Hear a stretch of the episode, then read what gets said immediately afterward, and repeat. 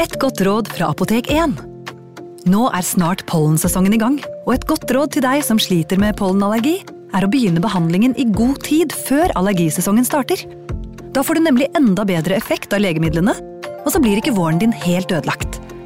Kom innom og få råd på ditt nærmeste Apotek 1, eller chat med oss på apotek1.no. Apotek 1 vår kunnskap, din trygghet.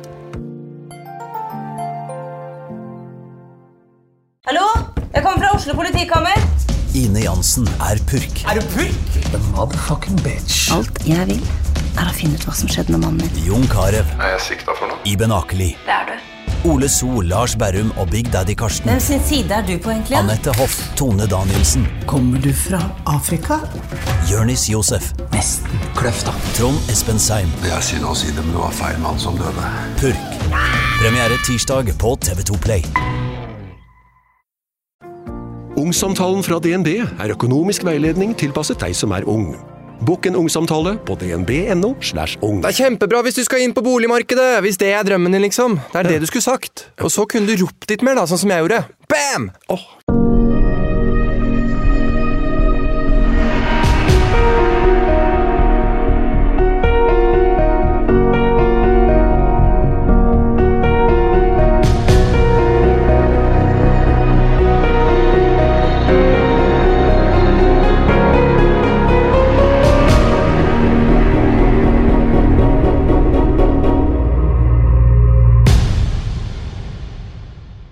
har altså da satt en buddha-statue ved siden av seg, så nå er han klar for episode seks. Det stemmer. Han har en stor mage. Det har han faktisk. Hvis man stryker på magen, så skjer det bra ting. Og det kan vi trenge nå, etter alle de historiene vi har hatt eh, i denne podkasten. Helt riktig. Og det, det syns jo jeg var på sin plass, at vi nå fikk en mail på skrekpodden.modernemiddag.no mm. til Felix. Det ble uttrykt stor bekymring for hva som kommer til å skje med Felix, fordi han fortsetter å ikke beklage til Robert the Doll. Ja, men det gjelder jo deg også, produsent Håkon Bråten. Du har ikke beklaget, du heller? Jeg har ikke beklaget. Nei. Og du sitter her og er veldig confident, virker det som. Ja, ja, ja. Altså, Jeg forstår ikke hvorfor folk ikke beklager. Jeg blir helt nervøs på deres Jeg kan, vegne. kan du ikke svare på det, Bråten? Det er jo veldig enkelt, da. Om hvorfor vi ikke beklager. Ja. Nei, noen må jo eh, Jeg tenker at eh, noen må jo se om dette her kan stemme, da. Ja. Så det var er i hvert fall min tanke. Jeg kan ikke svare for Felix. Nei, men Felix går jo mot alt skrekkpodden står for, da, åpenbart. Han har jo slutta å være her òg. Ja. Ja, det har, Uff, kanskje det har skjedd noe med Felix som gjør Ja. at han ikke er her. ja! Der har vi det! For han var ikke her i forrige episode heller. Nei, revurderer du nå, eller, Bråten? På ingen måte. Nei. Ok, vi har jo fått uh, mail fra herr eller fru anonym. Skal jeg starte? Ja. Hei, kjære Skrekkpodden. Jeg velger å være anonym! Utropstegn. Aller først vil jeg si at podden deres er fantastisk, og at jeg elsker historiene dere har snakket om til nå. Men det jeg skal fortelle om i dag, og spesielt til Felix, er mer en advarsel om hva dere har i vente. Etter å ha hørt om Robert the Doll på Instagramen deres, måtte jeg jo selvfølgelig høre på episoden om Robert the Doll på Skrekkpodden. Jeg må aller først si at jeg elsker skumle historier og myter, men at jeg ikke helt noen gang har trodd på dette som noe virkelig eller realistisk. Men det var til helt til fredag 2. i 3. 2019. Fredag 1. mars 2019 skulle jeg kose meg med en kopp varm te og Skrekkpodden. Det er jo hyggelig da, Pernille. Dette var episoden om Robert the Doll. Følg med nå, spiss øra dine, Bråten. Og dette var starten på noe jeg virkelig ikke trodde kom til å skje. Etter å ha hørt på denne episoden undret jeg meg litt over historien, for den virkelig var ekkel og skremmende. Men jeg tenkte ikke på det som noe realistisk. Jeg gikk også innom YouTube for å se på filmen om Robert the Doll, og Instagram-siden til Skrekkpodden for å se på bildet av Robert. Det første som slo meg, var at alle ba om unnskyldning til Robert, men dum som jeg var, ignorerte jeg rådet om å unnskylde meg, og slo av telefonen for så å legge meg. Vekker dette her noe, Bråten? Jeg hadde akkurat samme opplevelse. Ok. Slått av telefonen. I god tro sto jeg opp lørdag morgen og dro på håndballkamp for selv å spille. Alt gikk som det skulle første omgangen, deretter kom de neste 30 minuttene. Alt så ut til å gå helt fint, men det var helt til de siste fire minuttene av kampen. Jeg ble løpt ned og slo hodet i parketten. Jeg husker selv veldig lite av denne dagen. Fordi jeg besvimte og våknet opp av at ambulansepersonell hadde fått meg inn i en ambulanse. Alle var stresset rundt meg fordi de mistenkte en nakkeskade og en hjernerystelse. Når jeg kom på legevakta, fikk jeg heldigvis vite at det kun var en kraftig hjernerystelse, og at jeg hadde hatt ekstremt flaks, og at det kunne gått mye verre. I god tro, med smerter i hodet, fikk jeg dra hjem samme natt. Men dagen etter våknet jeg med oppkast og en nesten lammet arm. Jeg ble igjen hastet til legevakten for noe de trodde var en blødning i hjernen. Men heldigvis, igjen hadde jeg flaks. Det var bare en kraftigere hjernerystelse enn de først hadde antatt. Ikke før i dag slo det meg at jeg hadde sett, hørt og snakket om Robert Dahl uten å unnskylde meg etterpå. Noe jeg angrer ekstremt på i dag. Var det virkelig verdt det? Jeg blir faktisk ganske redd av tanken på at alt dette kunne gått ekstremt mye verre. Så mitt formål er å få folk til å ta dette på alvor, for Robert Dahl har makt. Og mye mer makt enn hva vi tror. Han ser alt, vet alt og gjør alt for å stoppe de han ikke liker, og spesielt de som ikke unnskylder seg. Det skal i alle fall ikke jeg gjøre fra nå av. Med vennlig hilsen Anonym. Håkon Bråten, du vet hva du har å gjøre, da? Jeg kommer fremdeles ikke til å beklage. Hva mener du om dette, Pernille? Nå syns jeg det er litt skummelt, for nå har vi jo mistet Felix. Vi vet jo ikke hvor han er engang. Nei, Felix, vi- if you're out there, Ja, please give us a oss. sign. Hvis du hører oss. Mhm. Men uh, nå har vi Håkon, så vi vil gjerne beholde han. Så det hadde jo vært hyggelig for vår del, Håkon, om du kanskje kunne unnskylde deg. Men det er jo så sykt spennende at hvis det skjer noe, så er det bekreftelse. Ja. Jeg bare føler at det blir litt synd at vår eneste produsent nå skal, eh, skal utsette seg for det. Men vi får bare Vi, får, vi godtar deg sånn som du er, Håkon. Kollega Kåsa har faktisk innlogging til Instagrammen din. Jeg lurer på, Holder det hvis vi faker det? Altså Hvis vi later som jeg har Håkon Bråten og unnskylder på Instaen? Nei, for som det står i mailen her han ser alt, vet alt og gjør alt for å stoppe de han ikke liker, og spesielt de som ikke unnskylder seg. Sitat slutt. Mhm. Men det var bra du leste opp denne lytterhistorien, eller denne oppfordringen her, fordi denne episoden skal jo handle om lytterhistorier, vi har fått inn så mange spennende. Mange, ja. Uh, vi har faktisk en helt full Ja, en, foran meg nå en helt full, tettskrevet side eh, med fantastisk lytterhistorie, som er en halvdel av noe vi har fått av to søstre. Ja. Skulle de være anonyme? Nei. Jo. Ja. Nei. De har vel ikke skrevet om de vil være anonyme eller ikke, men det er i hvert fall to søstre som har skrevet hver sin historie, og Mhm. ber om at vi leser de opp etter hverandre. Så det tenkte jeg vi skulle gjøre. Enig. Og utover det, alle dere som har sendt inn som ikke blir valgt ut i dag, så kan det godt tenkes at vi tar dette i en senere episode. Ja. Jeg vil gjerne også si at vi setter så umåtelig pris på de som tar seg tid til å skrive historier og sende inn opplevelser til oss. Selv om vi kanskje ikke svarer på alle, så leser vi hver eneste innsendelse, og vi er veldig, veldig glad for at dere gjør det. Jeg har ikke lest alle. Jeg har lest mange. Du har lest alle. Jeg har faktisk lest alle. Du er litt flinkere enn meg. Tusen takk, Kim. Jeg leser de du tar sånn gul stjerne på, på mail. De leser jeg. Ja, men det er hyggelig å høre. Ja. Og så svarte jeg på en du ikke har lest, da. Men ja, skal vi starte? Ja, jeg tenker vi starter. Da er det vel jeg som leser den første historien, og du som leser den neste. Det kan medføre riktighet. Da setter vi i gang. Tenk deg å aldri få fred fra redsel. Aldri bli trodd, og aldri vite når det oppstår. Fra jeg var ganske liten, usikker på alder, men det må ha vært allerede ved tre års alder, så skulle jeg få kjenne på det å være redd. Og det skulle forfølge meg i så mange år.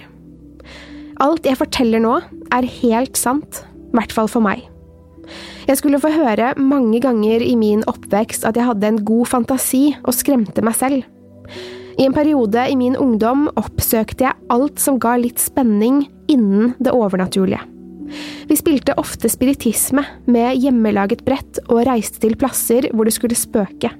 I denne perioden hendte det mye rart, men mulig at mye av dette var fantasi og at man skremte hverandre. Men noen ting var så ekte for meg at det må være sant. Jeg har i voksen alder fått bekreftet at mye av mine opplevelser er opplevd av andre rundt meg også. Og mamma har beklaget seg for at hun alltid trodde det var meg og min søster som sto bak merkelige hendelser, noe hun fant ut at ikke stemte etter hvert. Som sagt kan jeg huske merkelige ting allerede fra jeg var liten. På rommet mitt var det en dør inn til et lite kott. Jeg kan huske at jeg lå i sengen min, og at døren gikk opp. Det var helt mørkt der inne. Det som er så merkelig, er at det uforklarlige skal følge meg uansett hvor jeg bor. Vi flyttet til bestefar og bestemor når mamma og pappa gikk fra hverandre da jeg var seks år gammel. Huset deres ligger i et byggefelt med vei på begge sider av huset. Huset har to etasjer med utgangsdør, soverom, vaskerom og bad. Oppe er det stue, kjøkken, soverom og verandautgang. Jeg var så sint en høstkveld. Jeg tok på meg skoene og skulle rømme. Jeg gikk ut på veien og begynte å tusle oppover bakken bak huset. Det var ganske mørkt, men lysene fra huset og lyktestolpene lyste opp. Så ser jeg en person eller noe som skulle henge i meg den dag i dag. Personen kom gående oppover bakken bak meg og gikk sakte og tittet på meg. Han var ikke stort større enn meg, som kanskje var syv–åtte år gammel. Han hadde mørk bukse og lys genser. Han var litt tykk. Men det som skremte meg, var hodet hans. Jeg kunne se et lite fjes, mens hodet hans var kjempehøyt, like høyt som halve kroppen hans. Han hadde ikke hår, og jeg kunne heller ikke se ørene hans. Han var ti meter bak meg. Plutselig begynner han å springe mot meg. Jeg begynner å løpe, det forteste jeg kunne, opp bakken og ned skråningen til huset. Jeg hamrer på verandadøra mens jeg hyler og gråter. Han står oppe i veien og ser på meg mens han smiler. Jeg blir sluppet inn og forteller hva som har hendt. Så klart ler de av meg.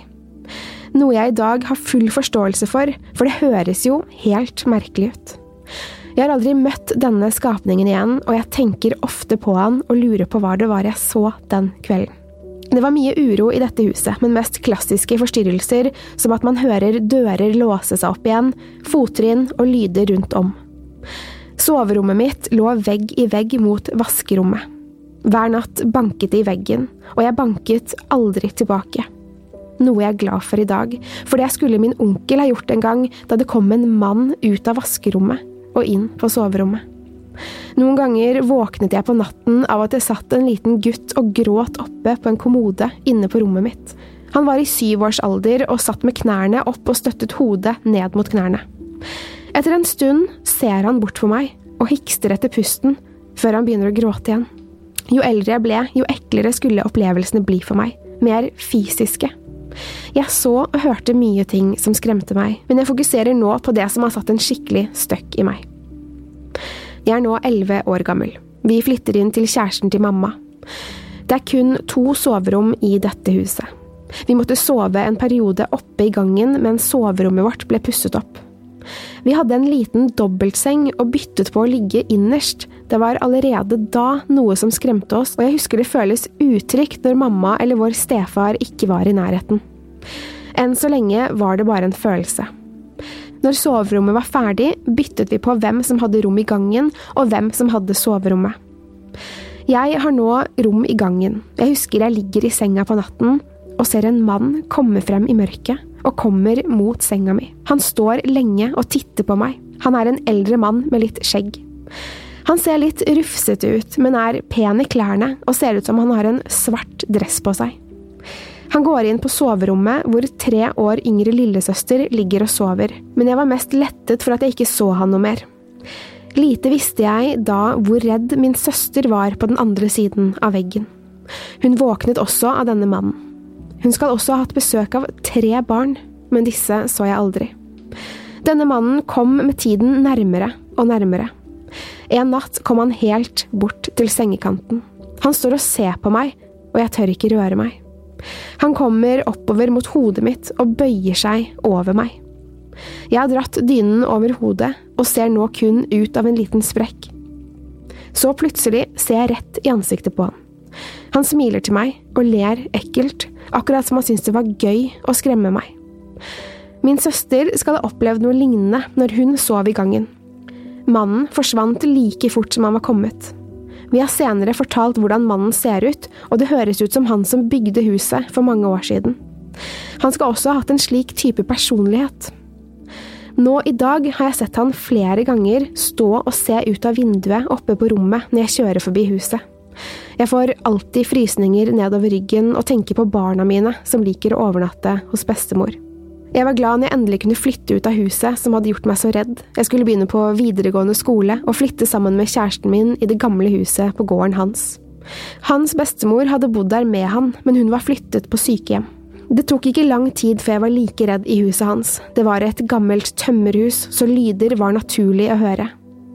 Men inne fra soverommet kunne vi se i sprekkene rundt døra at noen gikk forbi, og noen ganger så vi at det sto en svart skikkelse på utsiden. Det hendte også at det banket på soveromsdøren. Vi krøp alltid godt under dyna og latet som vi ikke kunne høre det. Vi går opp trappen til soverommet, kjæresten min går foran meg opp, og plutselig begynner han å hoppe og sprette og springer bortover gangen mot soverommet. Jeg står paff igjen og lurer på hva som skjer. Da ser jeg et par joggesko som sto i toppen av trappen, komme sakte mot meg. Den ene kommer så fikende rett mot ansiktet mitt. Jeg springer opp resten av trappen etter kjæresten min, og når jeg springer bortover gangen, får jeg joggeskoen kjempehardt i baksiden av låret. Vi hopper opp i sengen og kaster dyna over oss. Det banker hardt på døren, men vi holder oss under dyna. Vi hører døra knirker og går opp. Så kjenner jeg at noen setter seg i senga og legger seg over oss. Så forsvinner det, og vi løper ut. Når vi kommer tilbake samme kveld, er det mørkt i huset. Vi blir stående utenfor døra og ta en røyk, da vi hører tunge fottrinn på tur ned trappa fra andre etasje. Trappa går opp i yttergangen, så det som nå er på tur ned trappen, vil komme rett på andre siden av døren. Trinnene er tunge og langsomme. I utgangsdøren er det et vindu med ruglete glass. Det er helt svart på innsiden. Vi blir stående stille og lytte til fottrinnene. Så ser vi et ansikt på andre siden av døren. Et helt hvitt ansikt som prøver å se ut på oss gjennom det ruglete glasset. Den kvelden la vi oss ikke til å sove hjemme. Det tok ikke lang tid før vi flyttet til en kjellerleilighet på en gård. Jeg hadde fått billappen og hadde kjørt noen venner av meg hjem fra fest. Klokken er rundt fire på morgenen, og det begynner å lysne ute. Jeg går ut av bilen og ser katten min komme løpende over et lite jorde. Jeg går katten i møte og vil ta den med inn. Katten min, som var veldig rolig og kosete, prøvde alt den kunne for å komme ut av armene mine når jeg løftet den opp. Den hoppet over skulderen min og springer videre. Jeg hører det knekker i noen greiner i skogskanten og tenker at det er et dyr og at den er redd. I ren nysgjerrighet går jeg mot skogkanten og hører det knaker noe voldsomt. Jeg tenker det er en elg og stopper opp for å se om jeg kan se noe. Jeg er nå ca. 15 meter fra skogkanten da jeg ser en mann komme ut av skogen. Han har høye støvler på seg, grønn bukse og kamuflasjejakke. Han har også noe på hodet. Det er en godt voksen mann som er høy, men litt krokete. Han går to skritt ut på jordet og ser på meg.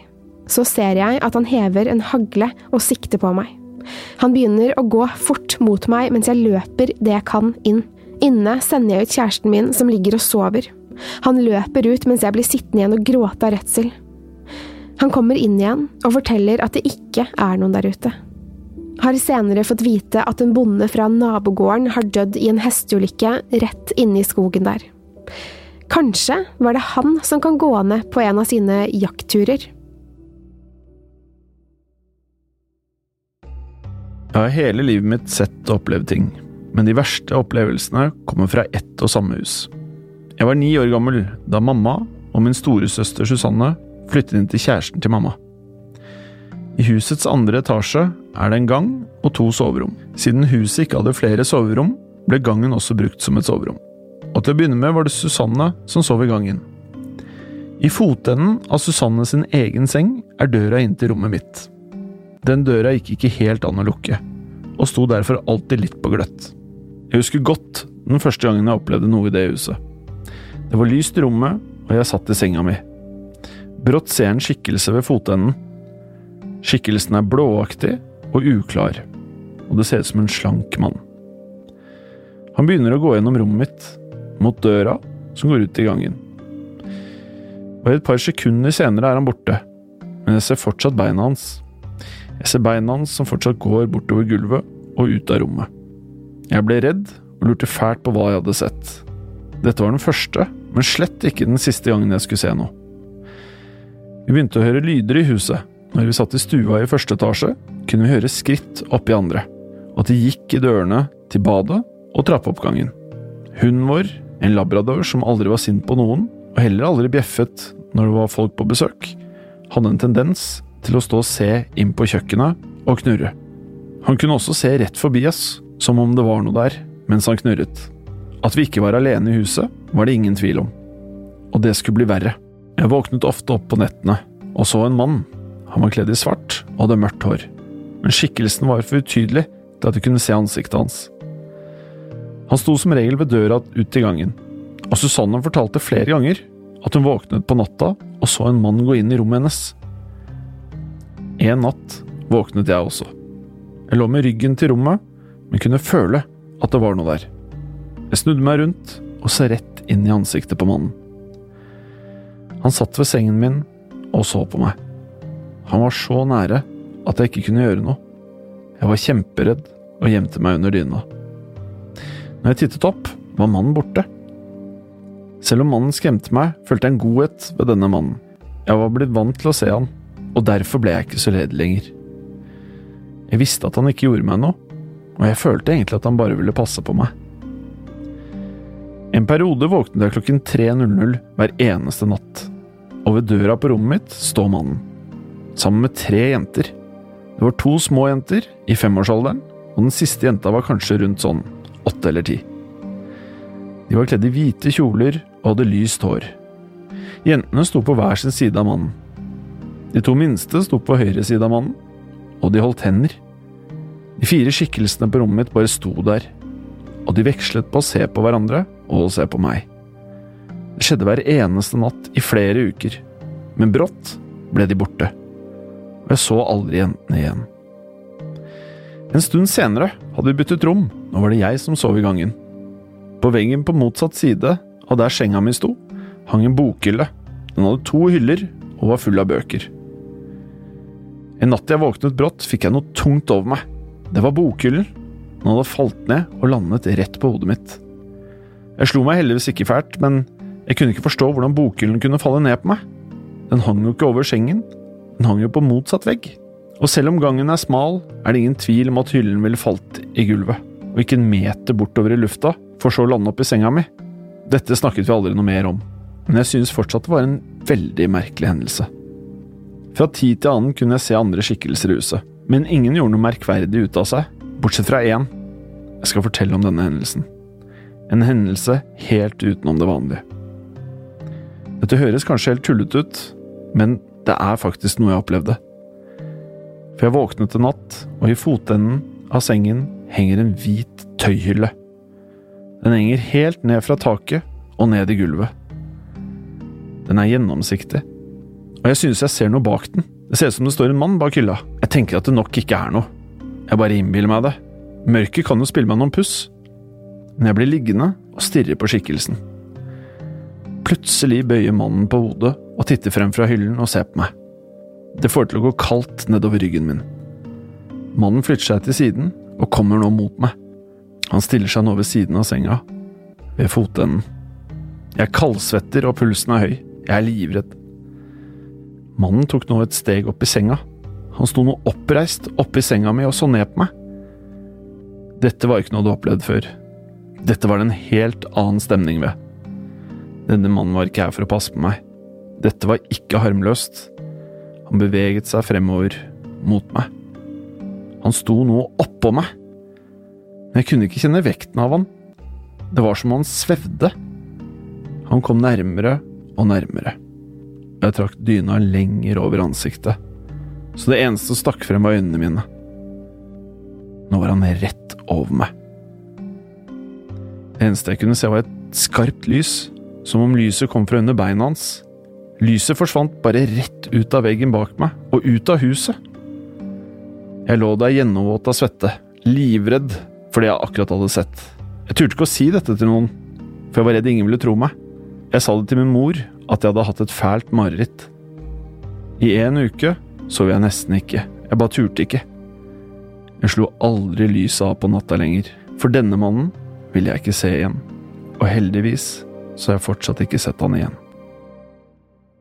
Veldig spennende historier da, Pernille. Ja, jeg syns det var så moro at de hadde skrevet de, altså to søstre hadde skrevet de sammen. Det likte jeg. Søstrene Grim. Søstrene Grim, var det det de het? Ordspill. Vi kan kalle det dem. Søstre, ikke sant? Brødrene. Brødrene Grim, søstrene Grim. Og så har vi jo svarthunden Grim som går utenfor her.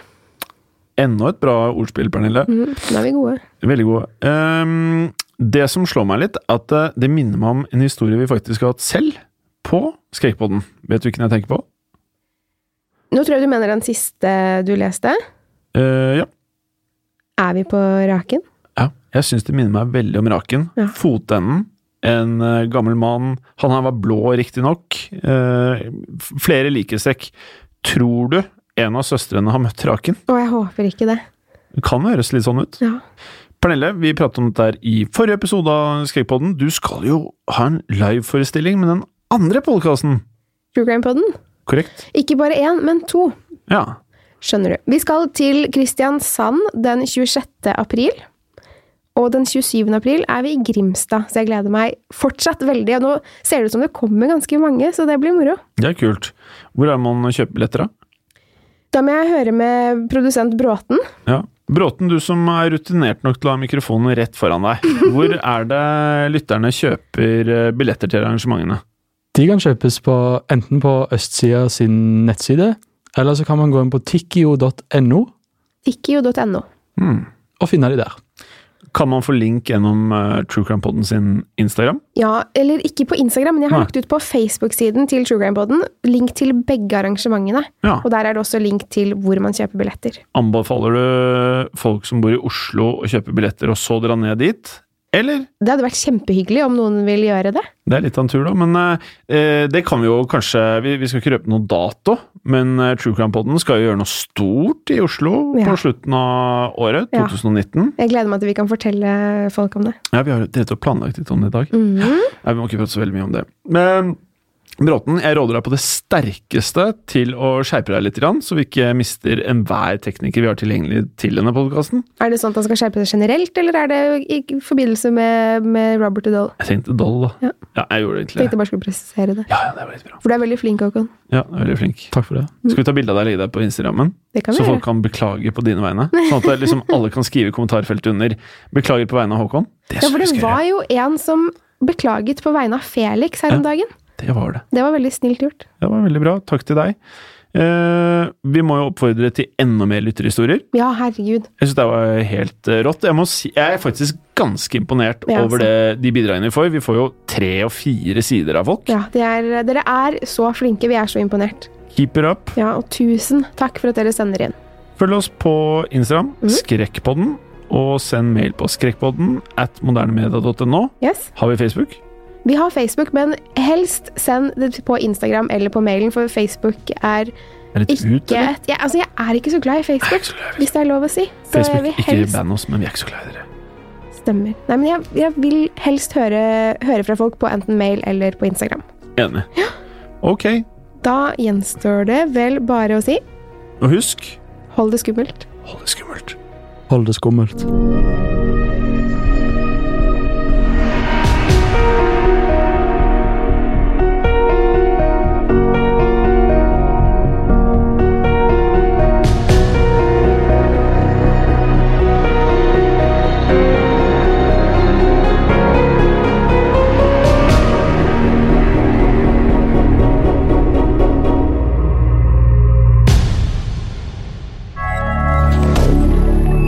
Media. Ukens annonsør er Folio, en smartere banktjeneste for deg som har en egen bedrift eller ønsker å starte for deg selv. Folio er en superenkel nettbank for bedrifter. Som kunde i Folio får du en bedriftskonto med et bedriftskort og app. I denne appen er det smarte løsninger som forenkler regnskapet ditt, uansett om du har en liten bedrift eller et enkeltpersonsforetak. Folio er både intuitivt og brukervennlig, og er laget med et enkelt språk. I tillegg tilbyr de forutsigbare priser og ingen skjulte gebyrer. Skulle du likevel trenge det, så kan du snakke med deres raske og hyggelige kundeservice, og der får du prate med en faktisk person og ikke en chatbot. Folio er med andre ord både enklere og koseligere enn banken. Over 10 000 bedrifter har allerede valgt Folio som sin banktjeneste, så besøk folio.no og se hvordan Folio kan forenkle din hverdag også. Har du et enkeltpersonforetak eller en liten bedrift? Da er du sikkert lei av å høre meg snakke om hvor enkelt det er med kvitteringer og bilag i fiken, så vi eh, gir oss her, vi. Fordi vi liker enkelt. Fiken superenkelt regnskap. Kiwi er billigst i VGs matbørs og har vært billigst i fire av de fem siste VGs matbørser. Og nå presser vi prisene på frukt og grønnsaker. På 200 gram broccolini setter vi prisen til 24,90. På 400 gram Cevita blåbær setter vi prisen til 49,90. Og husk, alle Kiwi Pluss-kunder får i tillegg 15% trumfbonus på all fersk frukt og grønt. For det er vi som er prispresserne. Og vi i Kiwi gir oss aldri på pris.